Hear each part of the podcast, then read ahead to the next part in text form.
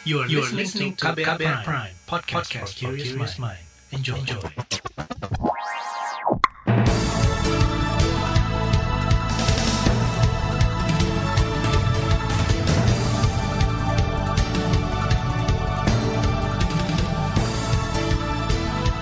Selamat pagi saudara, jumpa lagi di program Buletin Pagi edisi Rabu 15 Desember 2021. Saya Naomi Liandra.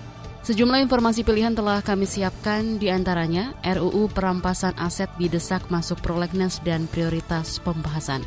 Kemenkes minta orang tua tak khawatir terkait vaksin anak. Konflik tanah dengan TNI AD warga Kebumen bersaksi di Mahkamah Konstitusi. Inilah Buletin Pagi selengkapnya. Terbaru di Buletin Pagi. Pemerintah akan kembali mengajukan rancangan undang-undang perampasan aset supaya dimasukkan ke dalam prolegnas DPR. Sebelumnya DPR tidak memasukkan RUU tersebut dalam daftar prolegnas tahun depan. Padahal menurut Menko Polhukam Mahfud MD, sempat ada kesepakatan dari pemerintah dan DPR untuk memprioritaskan pembahasan RUU perampasan aset itu. Bahwa oke, okay, undang-undang tentang perampasan aset tindak pidana itu bisa dipertimbangkan untuk masuk di tahun 2022. Nah, tetapi ternyata ini untuk tahun 2022 berdasar keputusan tanggal 7 DPR belum juga memasukkan RUU perampasan aset ini dalam prolegnas yang baru. Nah, maka Presiden dua hari kemudian menyatakan akan mengajukan kita mohon pengertian lah agar nanti eh, DPR menganggap ini penting dalam rangka pemberantasan korupsi. Itu tadi Menko Polhukam Mahfud MD. Sebelumnya saat memperingati Hari Anti Korupsi Sedunia 9 Desember lalu, Presiden Joko Widodo mengatakan pemerintah terus mendorong undang-undang perampasan aset koruptor bisa diselesaikan tahun depan. Hal itu menurut Jokowi agar penegakan hukum yang berkeadilan bisa terwujud secara profesional, transparan, dan akuntabel sehingga bisa meningkatkan kesejahteraan rakyat. Sementara itu, Pusat Pelaporan dan Analisis Transaksi Keuangan PPATK sudah berulang kali mendesak DPR untuk mengesahkan rancangan undang-undang tentang perampasan aset koruptor. Kepala PPATK Dian Erdiana Rai bahkan mengingatkan kehadiran undang-undang perampasan aset koruptor bisa mengatasi masalah ekonomi dan hukum di Indonesia. PPATK juga mengingatkan RUU perampasan aset dinantikan kehadirannya karena banyak ditemukan kekayaan yang tidak bisa dijelaskan antara aset dengan penghasilan. Kekayaan para koruptor yang seperti ini seharusnya bisa langsung dirampas oleh negara. Meski pada Maret lalu, DPR dan pemerintah sepakat memasukkan RUU perampasan aset ke dalam daftar prolegnas 2022. Tapi kesepakatan itu batal karena alasan kurangnya dilakukan pembahasan. Terkait desakan ini, fraksi-fraksi di Komisi Bidang Hukum DPR belum memberikan sikap. Anggota Komisi Bidang Hukum DPR, Johan Budi, mengatakan RUU tersebut masih dalam tahap diskusi fraksi.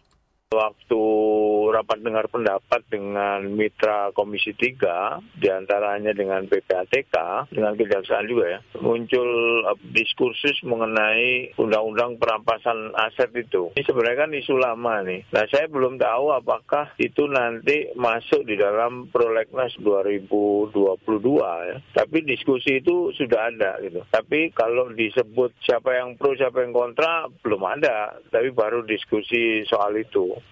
Johan Budi juga mengatakan RUU perampasan aset dimungkinkan untuk pembahasan di tahun depan jika diusulkan menjadi RUU inisiatif pemerintah.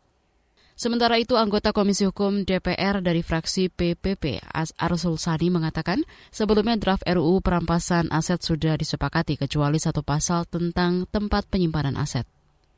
Dalam RUU sebelumnya ada tiga alternatif tempat penyimpanan aset-aset yang dirampas negara, yaitu di Kementerian Hukum dan HAM, Kejaksaan Agung, dan Kementerian Keuangan.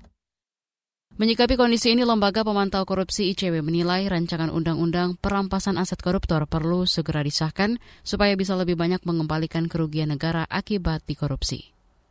Peneliti ICW Kurnia Ramadana menyebut seluruh substansi dalam RUU tersebut penting dan perlu didukung oleh semua pihak demi memberantas korupsi. Bagaimana draft RU perampasan aset itu kan berbicara soal kemudahan penegak hukum untuk bisa membawa aset tersebut dalam tanda kutip ke persidangan dan ada mekanisme pembalikan beban pembuktian di sana terhadap pihak-pihak yang mengklaim memiliki aset tersebut. Kalau mereka tidak bisa membuktikan aset itu bukan berasal dari tindak kejahatan, maka negara langsung dapat merampas aset tersebut. Peneliti ICW Kurnia Ramadana menduga DPR enggan memasukkan RUU perampasan aset ke dalam daftar prolegnas tahun depan karena aturan-aturannya yang berpotensi mengancam para anggota dewan itu mereka sendiri. Kurnia juga menyesalkan sikap pemerintah yang lambat mendorong pengesahan RUU perampasan aset koruptor. Pakar Hukum Pidana Universitas Trisakti Abdul Fikar Hajar menilai RUU perampasan aset koruptor sudah sangat mendesak untuk disahkan menjadi undang-undang. Menurutnya dengan RUU itu bisa menjadi jalan cepat bagi negara untuk mengembalikan aset-asetnya yang masuk kantong koruptor dengan dasar perampasan aset, artinya sudah ada dasarnya negara merebut atau mengambil aset yang memang diperkirakan, yang memang e, berdasarkan bukti bukti yang cukup itu merupakan aset negara. Kalau ada orang yang tidak suka dengan itu, silahkan mengajukan keberatan ke pengadilan, bantahan atau apa pun namanya perlawanan gitu boleh gitu. Nah nanti itu ada prosesnya sendiri gitu. Tapi asetnya sudah dikuasai oleh negara. Abdul Fikar Hajar menambahkan selama ini pengambilan kembali aset-aset negara selalu terkendala dengan sistem hukum yang panjang. Misalnya si koruptor yang harus dipidanakan lebih dulu dengan melalui proses keputusan pengadilan tiga tingkat, yaitu banding, kasasi, hingga peninjauan kembali. Kementerian Sosial aktifkan gudangnya di daerah kirim logistik untuk korban gempa NTT. Informasi selengkapnya hadir sesaat lagi, tetaplah di Buletin Pagi KBR. You're listening to KBR Pride, podcast for curious mind. Enjoy!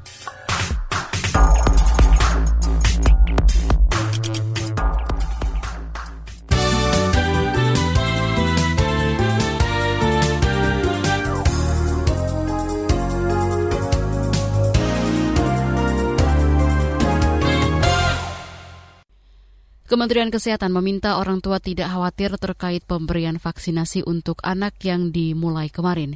Juri bicara vaksinasi COVID-19 Kementerian Kesehatan Siti Nadia Tarmizi menyebut pemerintah menjamin keamanan vaksin COVID-19 bagi anak karena sudah mendapat izin penggunaan dari Badan POM pemerintah tentunya sudah mempertimbangkan dengan hati-hati atas aspek keamanan dan aspek manfaat daripada vaksinasi pada anak-anak usia 6 sampai 11 tahun.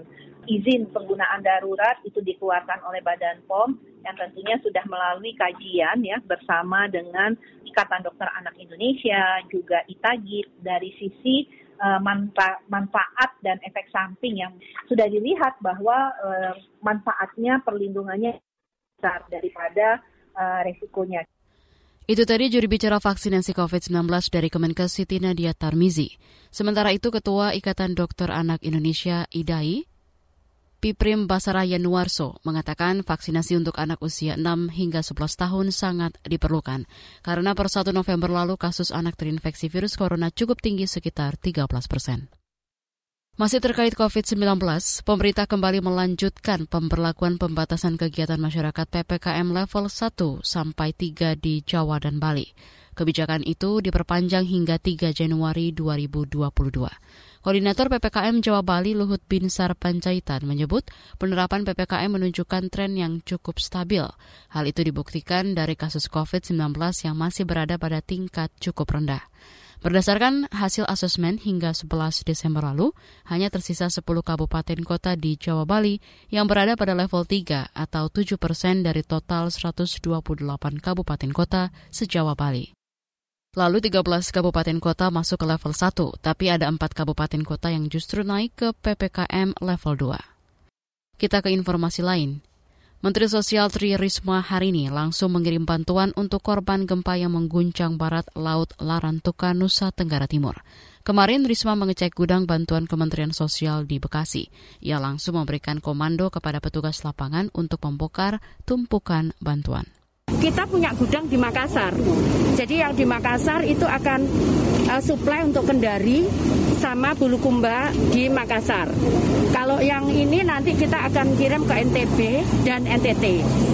Jadi uh, lokasi yang diprediksi akan terjadi itu sudah kita uh, siapkan semuanya. Bantuan dari Kementerian Sosial juga dikirimkan dari gudang lumbung sosial atau buffer stock regional. Misalnya dari gudang Makassar dikirim untuk korban di Sulawesi Selatan dan Sulawesi Tenggara. Dari gudang Magelang dikirim ke Kabupaten Sika dan dari gudang Solo dikirim Kabupaten Flores Timur. Bantuan dikirim pada tahap darurat awal, yaitu makanan siap saji dan makanan anak, tenda keluarga dan tenda besar, selimut, dan peralatan dapur. Hingga tadi malam, belum tercatat ada korban jiwa akibat gempa bermagnitudo 7,4 yang berpusat di perairan Larantuka, NTT. Data BPBD Kabupaten Kepulauan Selayar, Sulawesi Selatan memperkirakan 230 rumah mengalami kerusakan, termasuk satu gedung sekolah dan dua rumah ibadah. Dampak gempa juga dilaporkan terjadi di Makassar. Sedangkan di Sulawesi Tenggara, dampak gempa terasa cukup kuat di Kabupaten Muna, Wakatobi, Buton, dan Bau-Bau. Sementara di NTT, kawasan terdampak gempa meliputi Kabupaten Flores Timur, Sika, Lembata, Manggarai, Nageko, Saburai Jua, dan Manggarai Barat. Beralih ke informasi ekonomi. Para petani mengeluhkan impor bawang putih yang menjatuhkan harga jual bawang lokal. Keluhan tersebut disampaikan saat Presiden Jokowi mengunjungi Kabupaten Temanggung, Jawa Tengah kemarin. Mendengar keluhan tersebut, Jokowi kemudian menghubungi Menteri Perdagangan Muhammad Lutfi. Di sini juga ada bawang putihnya. Tapi pas panen, uh, keluhan mereka sering nggak mau nanam lagi karena harganya jatuh. Apa impor anunya pas masuk gitu. Itu aja anunya gitu. Ini di kecamatan Bansari, Pak. Mana? Bansari. Bansari. Bansari. Iya. Bansari di Kabupaten Temanggung. Presiden Jokowi mengatakan para petani mengeluh lantaran impor bawang putih masuk bersamaan dengan masa panen. Kondisi tersebut membuat harga di tingkat petani anjlok dan memicu keengganan petani untuk kembali menanam bawang putih. Sementara itu kepada Menteri Pertanian Syahrul Yassin Limpo, Presiden Jokowi meminta agar Kementerian Pertanian menyiapkan penjamin pembelian atau penyalur untuk produksi bawang merah. Presiden juga berpesan agar bawang merah tidak dipermainkan oleh para tengkulak. Pemerintah berencana menaikkan tarif dasar listrik TDL kepada 13 golongan pelanggan listrik non-subsidi di tahun depan. Kenaikan itu nantinya akan berfluktuasi setiap tiga bulan sekali atau mengikuti nilai tukar mata uang, harga minyak mentah dunia, dan laju inflasi. Ekonom Indef Ahmad Tauhid menilai kenaikan yang bersifat fluktuatif menyulitkan masyarakat, terutama para pedagang dan kalangan industri yang memanfaatkan listrik untuk memproduksi barang dan jasa. Dan jasa itu berisiko begitu ya. Terlalu berisiko tinggi bagi dunia usaha dan ada kepada kepastian. Karena begini uh, kita menganut prinsip sticky price. Jadi kalau harga sudah naik uh, di uh, pasaran itu di di pasar itu sulit turun begitu ya. Harga listrik tahun apakah harga misalnya kita listrik naik di rumah tangga atau di toko? Apakah uh, dari toko tersebut menjual barang bisa turun? Yang jual gorengan karena listrik naik dia ikut naik begitu turun, apa harga gorengan akan turun? Kan nggak juga. Ahmad Tauhid menyarankan kebijakan kenaikan tarif dasar listrik sebaiknya dipertahankan dalam kurun waktu minimal satu tahun dan dilakukan bertahap sehingga tidak membebani konsumen. Ahmad juga mengingatkan kenaikan TDL jangan sampai di atas pertumbuhan ekonomi. Kita ke informasi mancanegara. Presiden Filipina Rodrigo Duterte menyatakan mundur dari kandidat perebutan kursi Senat pada pemilu tahun depan. Mundurnya Duterte disampaikan pihak Komisi Pemilihan Umum Filipina. Tidak diketahui alasan mundurnya Duterte dari kontestasi pemilu. Namun pada Oktober lalu, Duterte menyatakan akan pensiun dari dunia politik. Mengutip Reuters, masa jabatan Duterte sebagai presiden berakhir pada Juni tahun depan. Ia tidak lagi diperbolehkan maju untuk pencalonan presiden periode berikutnya. Beralih ke informasi olahraga. Pelatih timnas Indonesia Sintayong berharap gelandang serang Egi Maulana bisa segera bergabung dengan skuad dan tampil saat melawan Malaysia pada laga grup B Piala AFF 2020.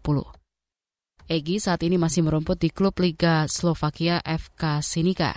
Sebelumnya Egi sempat mengalami cedera sebelum akhirnya pulih dan diketahui sudah bisa kembali bermain untuk klubnya yaitu FK Sinika di Liga Slovakia akhir pekan kemarin.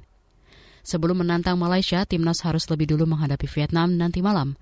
Di grup B, Indonesia berada di peringkat pertama klasemen sementara dengan koleksi 6 poin dari dua laga. Vietnam berpoin sama tetapi duduk di posisi kedua lantaran kalah selisih gol. Sementara Malaysia ada di tempat ketiga. Di bagian berikutnya kami hadirkan laporan khas KBR bertajuk Dilema Cukai Rokok antara Kesehatan dan Kesejahteraan Petani Tembakau. Nantikan sesaat lagi. You're listening to KBR Pride, podcast for curious mind. Enjoy!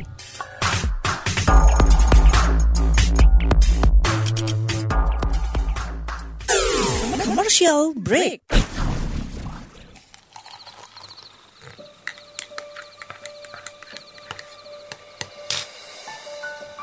Hai, kamu apa kabar? Masih suka menikmati senja dan kopi? Aku masih ingat kebiasaan kita. Sehabis pulang kerja, selalu mencari tempat untuk sekedar ngobrol dan ngopi. Tapi kadang kita kehabisan bahan obrolan. Aku masih melakukan hal yang sama sampai sekarang tanpa harus takut habis bahan buat ngobrol karena aku selalu mendengarkan KBR sore dari Senin sampai Jumat jam 4 sore. Ah, aku rindu. KBR Inspiratif Terpercaya.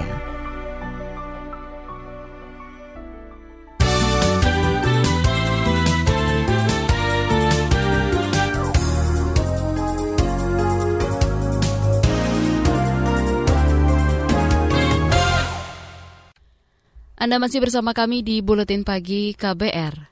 Pemerintah memutuskan menaikkan cukai rokok sebesar 12 persen mulai tahun depan. Keputusan ini diambil agar harga rokok di pasaran tidak lagi terjangkau untuk anak-anak dan masyarakat miskin. Namun di sisi lain, kenaikan cukai rokok menjadi bencana bagi petani tembakau. Bagaimana mengatasi pro kontra cukai rokok ini? Berikut laporan khas KBR yang disusun Dwi Renjani. Kementerian Keuangan baru-baru ini memutuskan menaikkan cukai hasil tembakau atau cukai rokok. Kenaikan cukai rokok sebesar 12 persen ini akan berlaku per 1 Januari mendatang.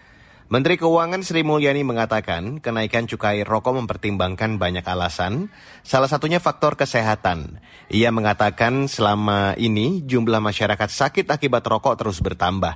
Bahkan negara mengeluarkan anggaran sebesar 62 triliun untuk tanggungan kesehatan. Konsumsi rokok telah menyebabkan beban jaminan kesehatan nasional dan biaya ekonomi yang cukup besar. Biaya kesehatan akibat merokok mencapai 17,9 hingga 27,7 triliun rupiah setahun.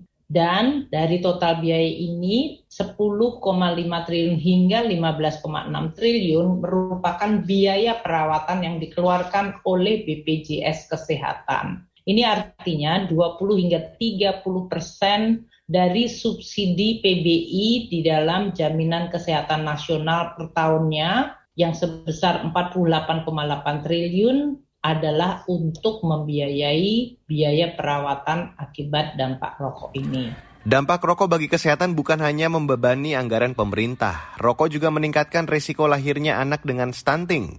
Selain itu, kebiasaan merokok juga membuat perekonomian keluarga miskin semakin buruk.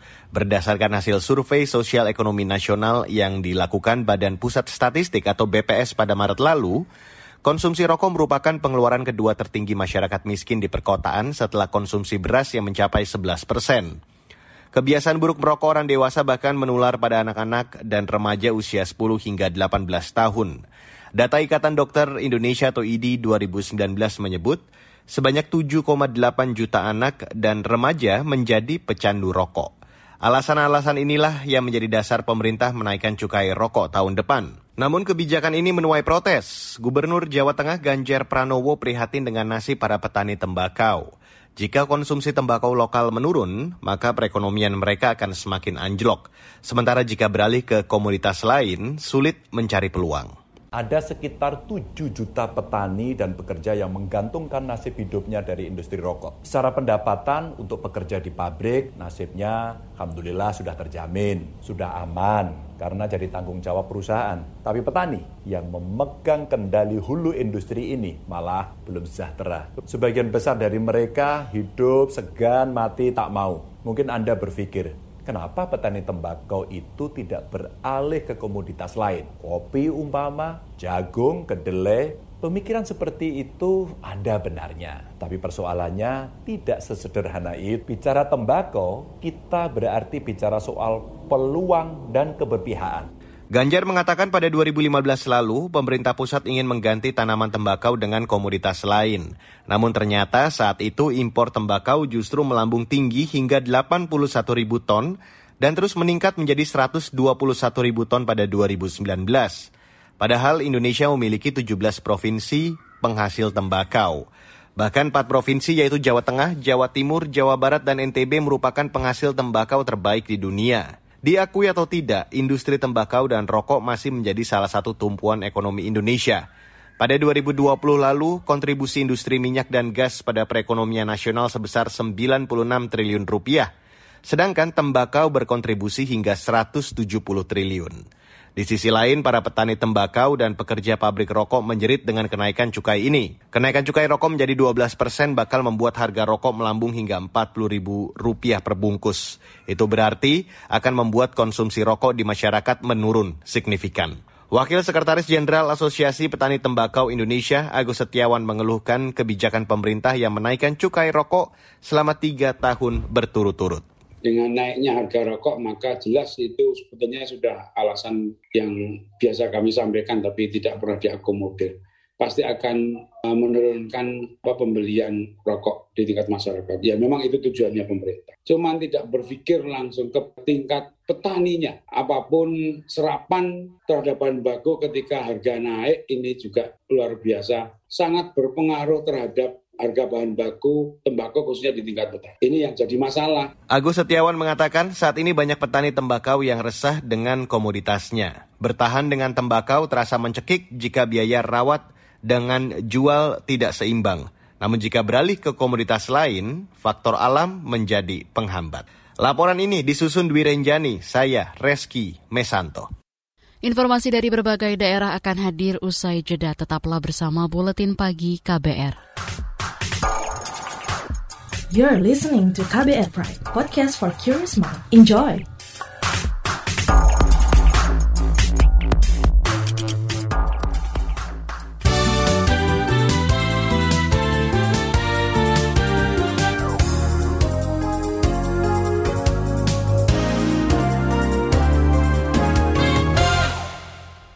Inilah bagian akhir buletin pagi KBR. Saudara, seorang warga Kabupaten Kebumen, Jawa Tengah mengaku tanahnya dirampas institusi TNI Angkatan Darat dalam konflik tanah urut sewu.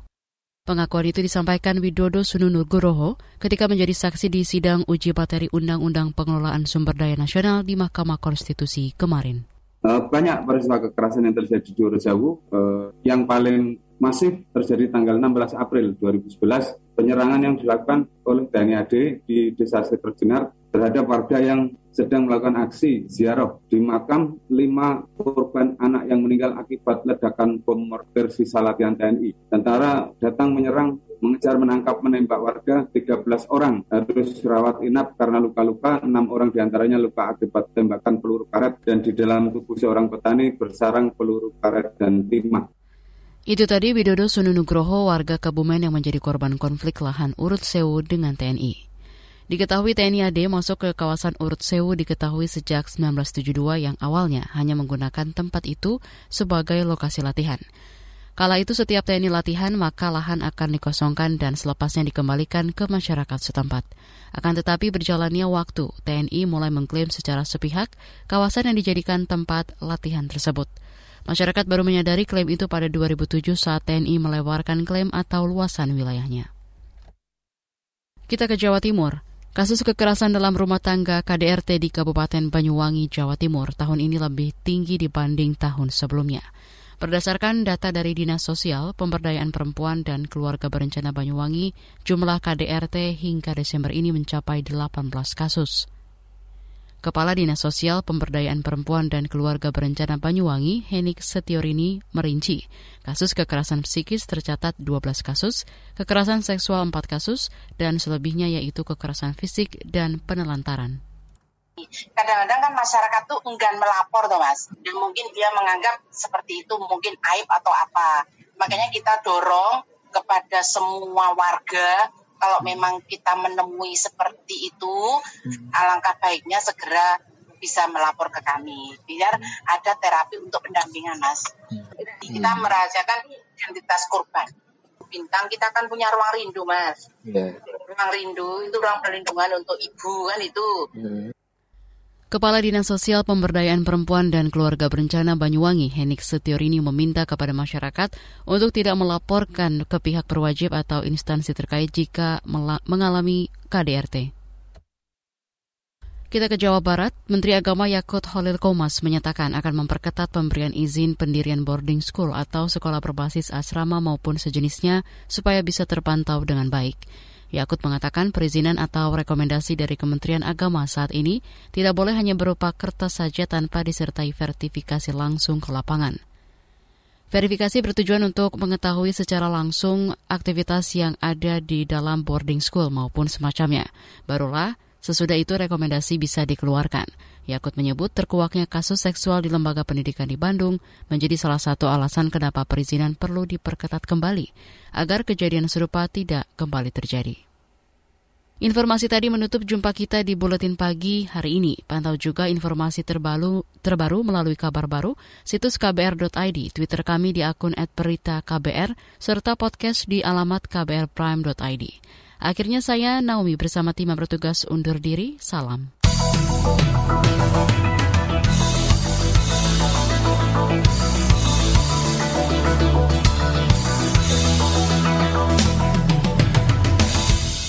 KBR Prime, cara asik mendengar berita. KBR Prime, podcast for curious mind.